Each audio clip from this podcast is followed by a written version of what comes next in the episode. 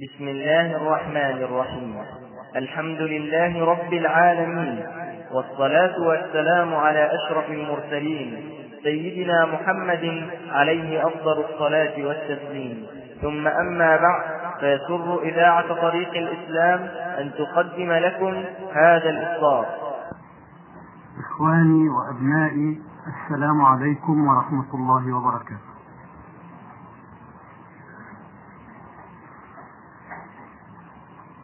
رغب إلي المشرفون على هذه الندوة أن أحدثكم الليلة في موضوع المرأة في الإسلام. فاستجبت.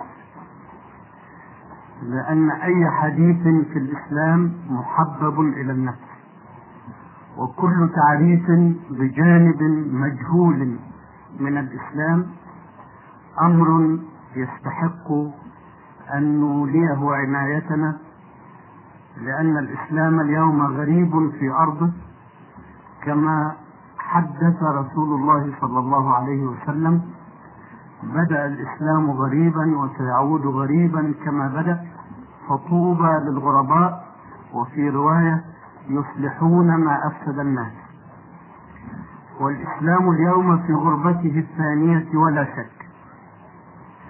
مجهول من كثير من أهله. فضلا عن أعدائه الذين يتعمدون تشويه صورته ولكن أعداءه يعرفونه. حدثنا ربنا سبحانه وتعالى فقال الذين آتيناهم الكتاب يعرفونه كما يعرفون أبناءهم وإن كثيرا منهم لا يكتمون الحق وهم يعلمون. فالذين يشوهون صورة الإسلام من الأعداء ليسوا جاهلين. إنما يعرفون حقيقته بل يعرفون أحيانا من حقائقه أكثر مما نعرف نحن في غربة الإسلام بيننا. وإني لأقرأ في كتب المستشرقين فأجدهم أحيانا في خبث يعترفون للإسلام بمزايا ويذكرون من حقائق الإسلام ما يغيب عنا نحن ولا يغيب عنهم ولكنهم لا يذكرونه لوجه الله. فإذا ذكروا شيئا من المديح عن الإسلام فإنما يقصدون بعد ذلك أن يدسوا السم في العسل بعد أن يخدروا إحساس القارئ المسلم ويتظاهروا أمامه بأنهم مخلصون وأنهم ينشدون الحق ولا شيء غير الحق فإذا اطمأن القارئ المسلم إلى خدرهم إلى تخديرهم دسوا له السم في العسل وأثاروا في عقله الشبهات بل إن أعداء هذا الدين لا يعرفون كل حقائقه ففي الفاتيكان نسخ من التوراة القديمة المذكور فيها اسم الرسول صلى الله عليه وسلم. وهم يعرفونه. يعرفون اسمه ومكان بعثته ويعرفون كل حقيقته ولكنهم يخفونها ولا زلت أذكر أن جريدة الأهرام القاهرية نشرت خبرا صغيرا في عام 1945 ميلادية خبرا لا يزيد على ثلاثة أسطر. كان نصه هكذا. عثر في دير سانت كاترين بسيناء على نسخة قديمة من التوراة ورد فيها ذكر محمد صلى الله عليه وسلم. ثم لم يعد ذكر لهذه النسخة بعد ذلك على الإطلاق لأنها أخذت من هذا الدير وذهبت إلى الفاتيكان وأخفيت كما يخفى هناك كثير من حقائق الإسلام. يعرفونها ويعرفونها يقينا ثم يخفونها ثم يزورون الحقائق للناس ويتكلمون ضد الإسلام محاولين أن يفتنوا أهله عنه. وقد لا يكون استطرادا عن حديثنا الليلة أن أقول لكم كلمة مختصرة عن بدء هذه الحملة للتشويه متى بدأت الحملة لتشويه حقائق الإسلام؟ إنها بدأت مبكرة جدا. في القرون الوسطى التي تسمى عندهم القرون المظلمة لم يكن في أوروبا علم. فلما بدأت أوروبا تتعلم في بدء عصر النهضة لم يكن هناك علم في الأرض إلا ما يعرفه المسلمون وما يدرسه المسلمون في مدارس الإسلام. في الأندلس وشمال إفريقيا وصقلية وجنوب إيطاليا المسلم. هناك كانت المدارس التي يبعث الأوروبيون أبناءهم إليها ليتعلموا. بل قد تعجبون إذا علمتم أن رجال الكهنوت كانوا يترقون في سلك الكهنوت بمقدار ما يحصلون على العلوم الإسلامية. فبمقدار ما يأخذ من علوم المسلمين يترقى في بلده في تلك الكهنوت. آه مع الأسف يحدث الآن العكس. أربعة على الأقل من مشايخ الأزهر تخرجوا في السربون كأنما المقصود الآن ألا يكون شيخ الأزهر شيخا له إلا إذا كان متخرجا في السربون وما أبعد الفارق بين أن يتعلم مسلم في بلاد أعداء الإسلام ويترقى بشهادته في تلك الإسلام وبين ما كان يحدث في تلك القرون من ترقي رجال الكهنوت في كهنوتهم بمقدار ما يتعلمون في مدارس المسلمين. المهم أن أولئك المبتعثين من الأوروبيين إلى مدارس الإسلام كانوا يعودون إلى بلادهم وقد تعلموا العلم الإسلامي وتأثروا بالروح الإسلامية كذلك حتى فزعت الكنيسة خوفا من هذا التأثير العائد مع المبتعثين الذي نسمي مثله في العصر الحاضر الغزو الفكري. يعني الكنيسة خشيت من الغزو الفكري الإسلامي أن يغزو أوروبا مع العائدين من مدارس المسلمين. ويدلكم على هذا الفزع منشور أصدرته الكنيسة في ذلك الحين. قالت فيه إن هؤلاء الشبان الرقعاء. الذين يبدأون حديثهم بلغات بلادهم ثم يكملون باللغة العربية ليعلم عنهم أنهم تعلموا في مدارس المسلمين. إن لم يكفوا عن هذا فستصدر الكنيسة ضدهم قرارات حرمان. هذا يدلكم على مقدار الفزع الذي كانت تعانيه الكنيسة الأوروبية من ما نستطيع أن نطلق عليه بلغة العصر الغزو الفكري الإسلامي لأوروبا. عندئذ جندت الكنيسة كتابها ليكتبوا ضد الإسلام وليشوهوا حقيقته ولينقضوا كل أبيض فيه فيلونونه باللون الأسود. خوفا من توغل الإسلام في أوروبا أي أن الحملة الكنسية الأولى ضد الإسلام كانت لحماية أوروبا من الإسلام. كانت لمنع دخول الإسلام في أوروبا. ثم لما ضعف المسلمون وبدأت أوروبا تغزو العالم الإسلامي نقلت بضاعتها التي كتبت أول مرة لتحصين الأوروبيين ضد الإسلام نقلت إلى الشرق الإسلامي ليحاولوا بها أن يسلم المسلمين عن دينهم وأن يشوهوا صورة الإسلام في نفوسهم لعلهم يقضون على الإسلام قضاء كاملا.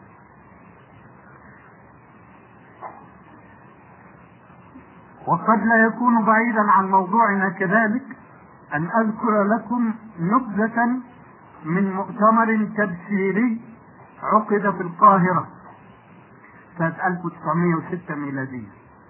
عقد في بيت أحمد عرابي. الذي سار على الاستعمار البريطاني فإذلالا عقدوا مؤتمر التبشير في داره بعد أن مات طبعا. وكان مقرر المؤتمر هو الأب زويمر وهو مبشر بروتستانتي كان له نشاط واسع جدا في تلك المنطقة من العالم الإسلامي المنطقة العربية من العالم الإسلامي.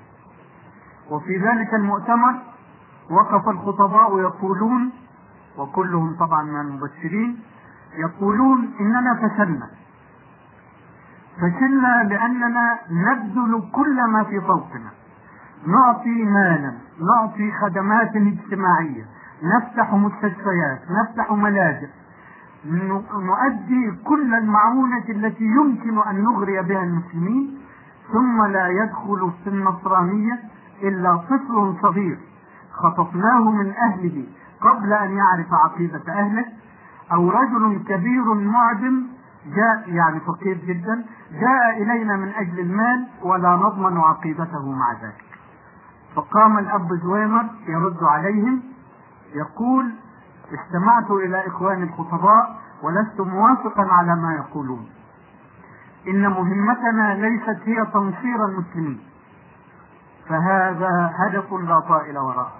ولكن مهمتنا هي صرف المسلمين عن التمسك بالإسلام. وفي ذلك نجحنا نجاحا باهرا بفضل مدارسنا التفسيرية ومناهج التعليم في مدارس الدولة. وتجدون هذا منشورا في كتاب الغارة على العالم الإسلامي آه لكن كاس ديوماند مسلمات الذي ترجمه محب الدين الخطيب هو العنوان غزو العالم الإسلامي. لكن آه، محب الدين الخطيب ترجمه هكذا الغارة على العالم الإسلامي. وأعتقد أنه منشور هنا في السعودية وتستطيعون أن تحصلوا على نسخة منه وتراجعوا هذه الأقوال.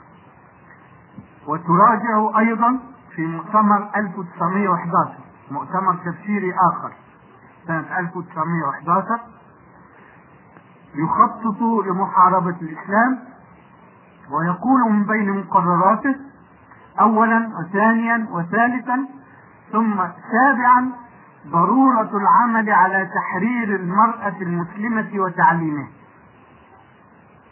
طيب ما لكم أنتم وما للمرأة المسلمة؟ فليكن حالها كما يكون. ما الذي أدخلكم أنتم في الأمر؟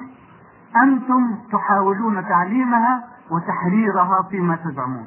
لكن إذا قرأتم مقررات المؤتمر التي بدأت بالحديث عن وسائل محاربة الإسلام ثم يضعون هذا من مقرراتهم ضرورة العمل على تحرير المرأة المسلمة وتعليمها. تعلمون إذا أنهم لا يحررونها لوجه الله ولا يعلمونها لوجه الله إنما يسعون إلى تحريرها في زعمهم وفي تعليمها على النحو الذي يريدونه هم ليحققوا هدفا معينا في محاربة الإسلام. وبعد هذا المؤتمر بخمسين عاما يجيء مؤلف أمريكي يهودي يسمى مارو بيرجر. ما زال حيا. له كتاب يسمى العالم العربي اليوم The Arab World Today. يقول فيه إن المرأة المسلمة المتعلمة هي أبعد أفراد المجتمع عن الدين وأقدرهم على جر المجتمع كله بعيدا عن الدين. أي بعد أن نفذوا مخططهم الذي نادوا به منذ 1911 وتلقفه مسلمون على رأسهم قاسم أمين. وهل هي مصادفة مجرد مصادفة أن يعقد ذلك المؤتمر في عام 1911 وأن يبدأ قاسم أمين دعوته إلى تحرير المرأة سنة 1911 على أي حال لا أريد أن أطيل عليكم في المقدمات وإن كنت لا أرى أن هذا الاستطراد خارج عن موضوع حديثنا الليل الموضوع هو الإسلام والمرأة أو المرأة في الإسلام. وهي قضية تثار في العالم الإسلامي. تثار في كل مكان في العالم الإسلامي. ويراد بها شيء ما. يراد بها جزء من الحرب المعلنة على الإسلام. ولا أريد أن أبدأ حديثي عن المرأة في الإسلام. إنما أريد أن أبدأ حديثي عن المرأة في أوروبا.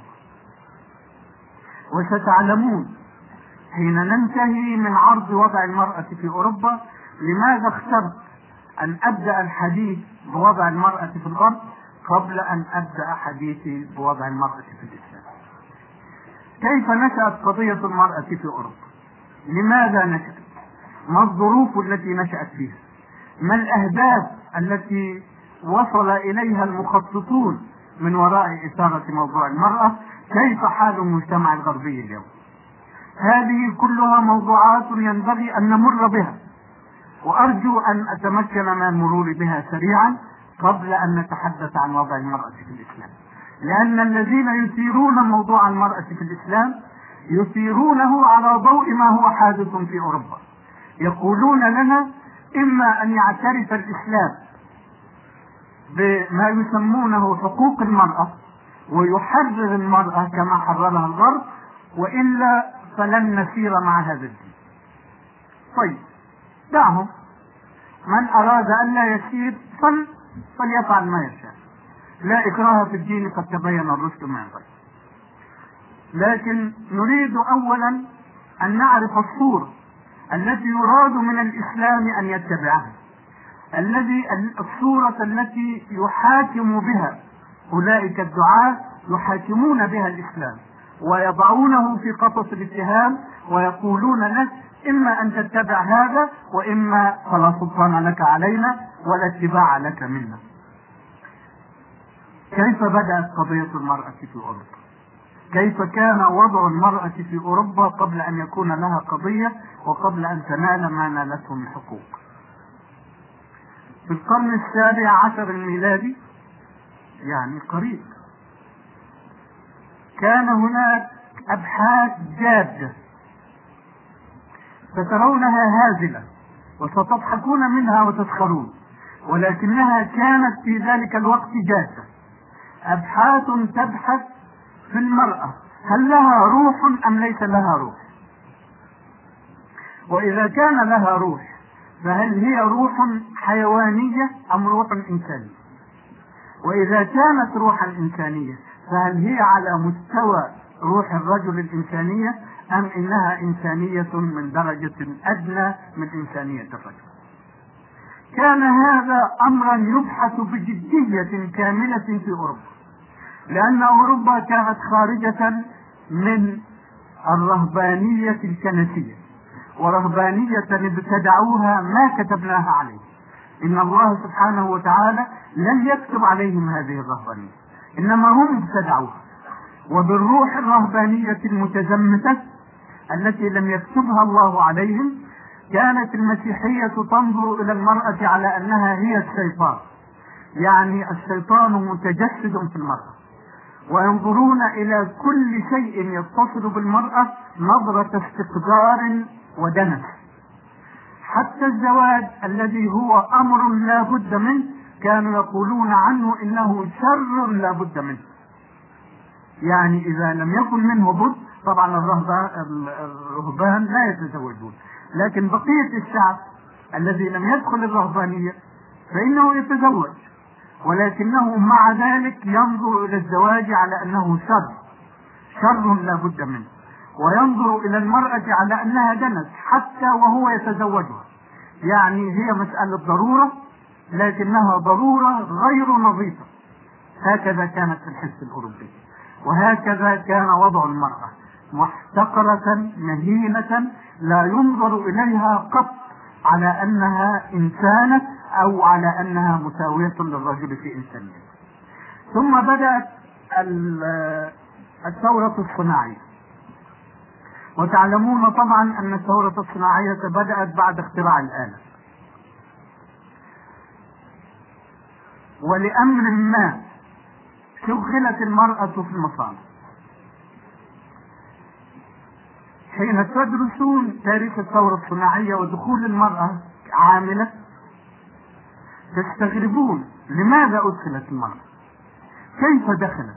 ما الذي أرادوه بإدخال المرأة عاملة وصانعة ثم موظفة ثم ثم ثم إلى آخر ما حدث في أوروبا؟ لماذا؟ هل جاءت المسألة اعتباطا؟ كلا.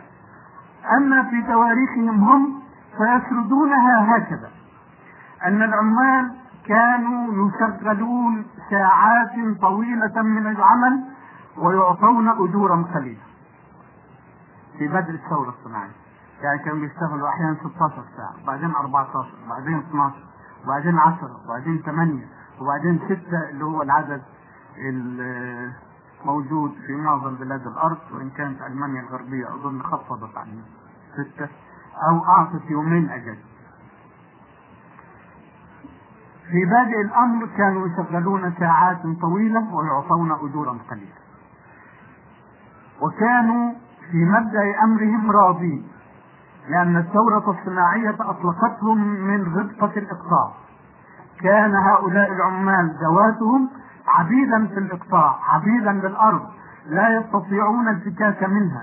وكان العبد منهم إذا خرج من إقطاعيته حتى إلى الإقطاعية المجاورة التي لا يفصل بينهما إلا سور يعاد مكويا بالنار علامة على أنه عبد آبق لأنه لا يجوز له أن يغادر الأرض. فلما جاءت الثورة الصناعية حررت العبيد. كما يقولون أطلقتهم من هذا القيد صارت لهم حرية الحركة حرية العمل ففرحوا في مبدأ الأمر بهذا الانطلاق. لكنهم بعد قليل أحسوا بالظلم الواقع عليهم. يعملون كل هذه الساعات لقاء هذا الأجر القليل. وليسوا في الريف حيث يستطيعون أن يعيشوا بأقل شيء لكنهم في المدينة حيث كل شيء بمال كل شيء بنقود. المسكن بنقود المأكل بنقود فنجان القهوة بنقود لكن في الريف كان في بيته لا يدفع ثمنا لبيته وكان يأكل أي شيء يجده في الحقل كانت الحياة أرخى عليه.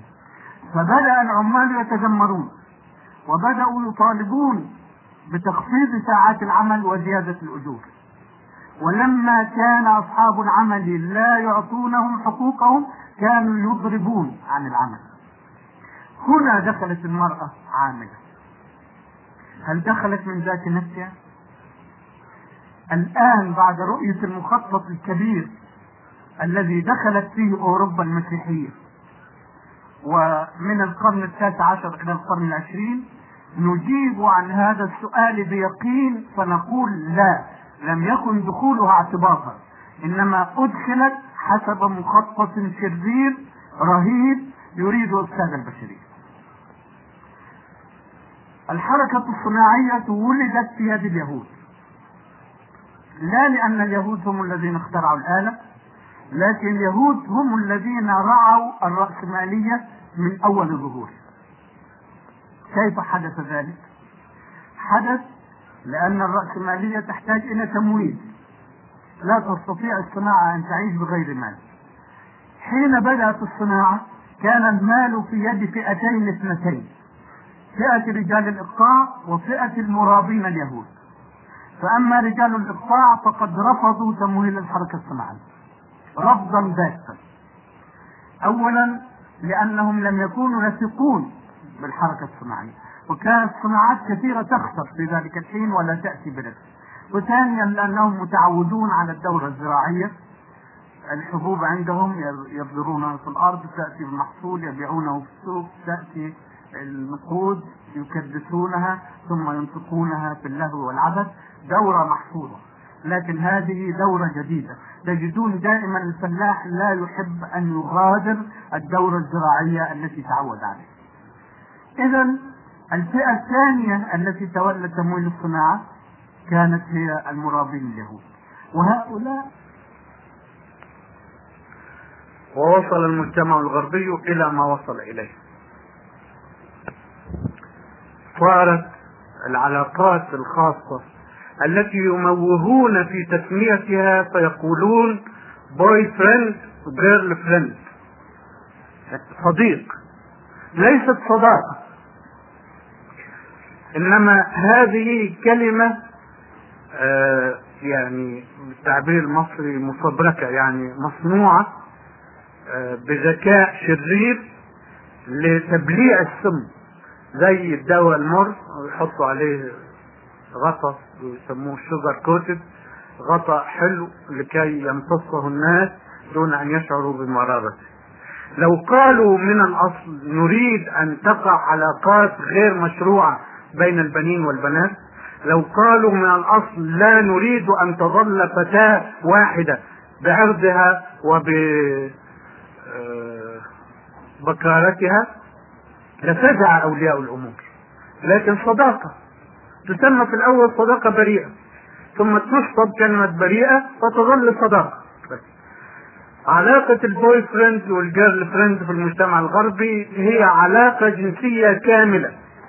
هي التي يسميها القرآن المخادنة غير متخذي أخدان غير متخذات أخدان هذه هي التي يسمونها هم boyfriend و girlfriend التي حرمها الله تحريما يبيحونها هم. ليس فقط يبيحونها. أحدثكم عن واقع. الفتاة التي تصل إلى سن الرابعة عشرة. وليس لها صديق أي ليس لها خدين تصبح مشكلة عائلية. يجتمع مجلس العائلة للنظر فيها ويستشار فيها طبيب الأمراض النفسية. فتاة شاذة. يعني مثل تشبيه مع الفارق الضخم جدا مثل ما كان في مجتمعاتنا. الفتاة التي تصل إلى سن الرابع عشرة ولا تتزوج تصبح مشكلة للعائلة. لماذا لم تتزوج حتى هذا الحين؟ هناك ولكن على الطريق الشيطان. الفتاة التي تصل إلى الرابع عشر وليس لها صديق هي حالة شاذة يستشار فيها الطبيب النفسي لإصلاحها لإصلاح الانحراف الذي وقعت فيه بأنها لم تفرط في عرضها إلى سن الرابعة عشر.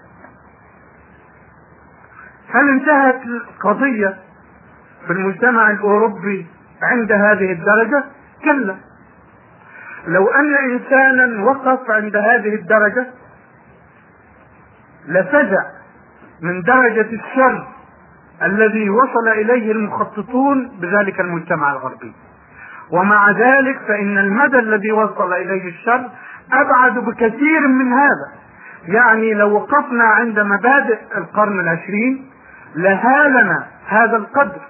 واقرأوا إن شئتم رجلا أمريكيا اسمه ويل ديوران آه له كتاب مترجم بعنوان مباهج الفلسفة. هذا الكتاب مؤلف سنة 1926 يعني في مبادئ القرن العشرين. يفزع الرجل ويصرخ مما آل إليه المجتمع الأمريكي يومئذ.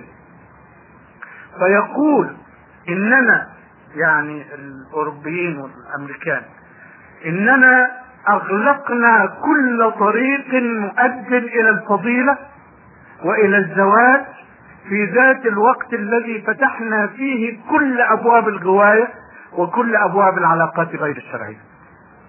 سنة 26 ثم يقول إن الزواج الذي كان تتنسم فيه الأسرة الرجل والزوج الزوج والزوجة والأولاد. الحنان والعطف والمشاعر الإنسانية أصبح في ظل نظام الاختلاط سجنا بليدا باردا ميتا لا يغري. لأن نظام الوحدانية بعد التعود على التعدد يعني الولد تعود أن يكون له صديقات كثيرات. والفتاة تعودت أن يكون لها أصدقاء كثيرون. بعد هذا يتزوجان ليكون ولد لبنت أو رجل لامرأة يفقدان لذة العيش التي كان يحسانها في الاختلاط والتبرج عندئذ هذا كلام والديورنس وليس كلامي أنا. عندئذ بعد أن تهبط الرغبة ويقصد بالرغبة ديزاير يعني الرغبة الجسدية التي قام عليها الزواج وهذا من كلامه أيضا أن الزواج صار قائم على شهوة الجسد مش على العواطف مش على التآلف الإنساني على الرغبة الحادة. يقول تهبط تبرد حرارة الجسد فيسرد الزوج وتسرد الزوجة يذهب فيبحث عن صديقات جدد وهي تذهب فتبحث عن أصدقاء جدد. ويبدو الجديد في عينها حبيبا لأنه جديد. الزوج برد خلاص. والزوجة يعني صارت مألوفة. لكن البنت البعيدة أكثر بريقا والولد البعيد أكثر بريقا. ومن هنا يقول هو في الولايات التي لا تقبل الطلاق لأن في أمريكا كما تعلمون ولايات كاثوليكية لا تبيح الطلاق. يظل الزواج في صورته الاسمية ويتخذ الفتى عشيقة وتتخذ الزوجة عشيقة. أما الولايات التي تبيح الطلاق فإن الولد والبنت يسارعان إلى الطلاق. هذا سنة 26 وكان الرجل يستفضع ما هو موجود في ذلك الحين. في نصف قرن آخر بعد أن كتب الرجل كتابه ماذا حدث في أوروبا وفي أمريكا؟ لقد كان الاختلاط بكل ما أدى إليه من مفاسد كان بداية لما هو بعده. لما شغلت المرأة أو اشتغلت يعني عقلية المرأة الحديثة أصبحت مصوغة بهذه الصياغة أنها تتعلم لتعمل. لأن بعد ما تخرجت من الجامعة على نفس منهج الأولاد وتأخذ نفس الدرجة والولد يعين في وظيفة صار حق جديد تطالب به المرأة أو يطالب لها به وهو حق العمل على نفس طريقة الولد. فصار صياغة نفسية المرأة أن الجلوس في البيت تأخر ورجعية وإهانة لكرامة المرأة وإذلال لها وحط من قيمتها لماذا لا تخرج وتعمل؟ كالرجل. لأن المقياس هو الرجل. الرجل هو اللي في موضع الكرامة. فكل ما يصنعه الرجل هو الكرامة. وكل ما لا يصنعه فهو المهانة. فإذا كانت المرأة في البيت الرجل برا. يبقى ده وضع مهين إذا كانت المرأة ترضع وتلد والراجل ما بيعملش كده. يبقى ده وضع مهين. إذا كانت المرأة تنظر في رعاية الأسرة الرجل لا يصنع هذا يبقى ده وضع مهين. ما الوضع الكريم؟ أن تخرج إلى المصنع إلى الشارع إلى البيت إلى سكرتارية الموظفين. ومعلوم ما هي السكرتارية؟ هكذا. صارت عقلية المرأة مصوغة بهذه الصياغة أنها تتعلم لتعمل لا لتبقى في البيت لا لتكون زوجة وأما. متفرغة إنما لتكون عاملة موظفة وعاملة. ماذا حدث بعد ذلك؟ الأب يعمل والأم تعمل. من يربي الأولاد؟ نشأت مشكلة. إذا قرأتم أقوال الكتاب في مبادئ القرن العشرين تجدون صراخا وعويلا من أجل هذه المشكلة. فزعوا وقتها. قالوا المرأة تعمل من يربي الأولاد؟ الشياطين تطوعوا بسرعة بالحل المحاضن تربي الأولاد. ما فيش مشكلة. فلتعمل المرأة فلتحقق كيانها. لأن كيانها صار لا يتحقق إلا بأن تجلس إلى جانب الرجل في المصنع وفي المتجر وفي الشارع وفي الملهى وفي البحيرة وفي الغابة. هذا هو الذي يحقق كرامة المرأة. الأولاد المحاضن تأخذ واقرأوا إن شئتم كتاب أن فرويد أطفال بلا أسر. كيف تصف أحوال الأولاد وتمزق نفوسهم؟ تقول وهي عالمة نفس ومربية. تقول إن الطفل في سنتيه الأوليين يحتاج إلى أم كاملة يشعر بملكيتها. إلى درجة أنه لو جاء أخ أو أخت يشعر بالغيره منه وهو أخوه. فماذا يحدث في المحاضن؟ يحدث إن أم صناعية لأنها ليست أما حقيقية يكون عندها عشرة إلى عشرين طفل. يعني الحد الأدنى عشرة الحد الأقصى عشرين. كل واحد من هؤلاء الأطفال يريد أما كاملة. أمة حقيقية. وهو محروم من امه الحقيقيه وبعدين امه الصناعيه واخد منها واحد على عشرين أو واحد على عشر. فكيف ينشأ؟ هنا ظهر الجيل المشرد الذي تشكو منه أوروبا اليوم. جيل لم يربيه أحد. ليست له أمهات تربيه. جيل مشرد نفسيا. في صورة هيبز في صورة خنافس. في أسوأ من ذلك صورة الجنوح الإجرامي اللي هو المشكلة اللي تبحثها الآن مؤتمرات أوروبا ومؤتمرات مؤتمرات أمريكا delinquency الجنوح الإجرامي عند المراهقين. عصابات تتكون للقتل والسرقة والنهب والغصب واختطاف الفتيات والاعتداء عليهم. من شباب صغير لا يضطر إلى ذلك لأسباب اقتصادية، يعني أخرجوا الأسباب الاقتصادية من الحساب لأن بعضهم من أسر متوسطة وبعضهم من أسر غنية، يعني العامل الاقتصادي ليس له دخل على الإطلاق في تكون هذه العصابات. لكن لمن الدخل؟ جيل لم يتربى، ليست له أم تربيه. هل وقف الشر عند هذا الحد؟ وهو فظيع جدا ورهيب؟ كلا. إن ظاهرة الشذوذ الجنسي التي أخذت تنتشر في المجتمع الغربي والأمريكي وفي أرقى دول أوروبا اللي بيقولوا عليها أرقى دول أوروبا اللي هي دول الشمال نسبة مفزعة جدا. في سنة 1950 ماكنزي عمل تقرير قال في إن نسبة الشذوذ في المجتمع الأمريكي 20% وقال وقتها إنها نسبة آخذة في الازدياد. الإحصاءات اللي بعد كده ظهر فيها فعلا إن النسبة آخذة في الازدياد. ما علاقة الشذوذ الجنسي بهذه الحالة؟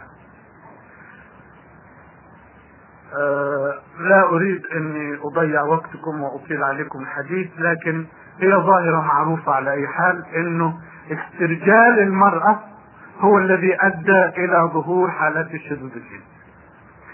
واسألوا علماء النفس يعني مش عايزين نضيع وقت كبير فيها لكن هي ظاهرة موجودة. هل انتهى الأمر عند هذا الحد؟ وهو في ذاته فظيع؟ لا في أكثر من كده. إدمان المخدرات عند الأولاد الصغار.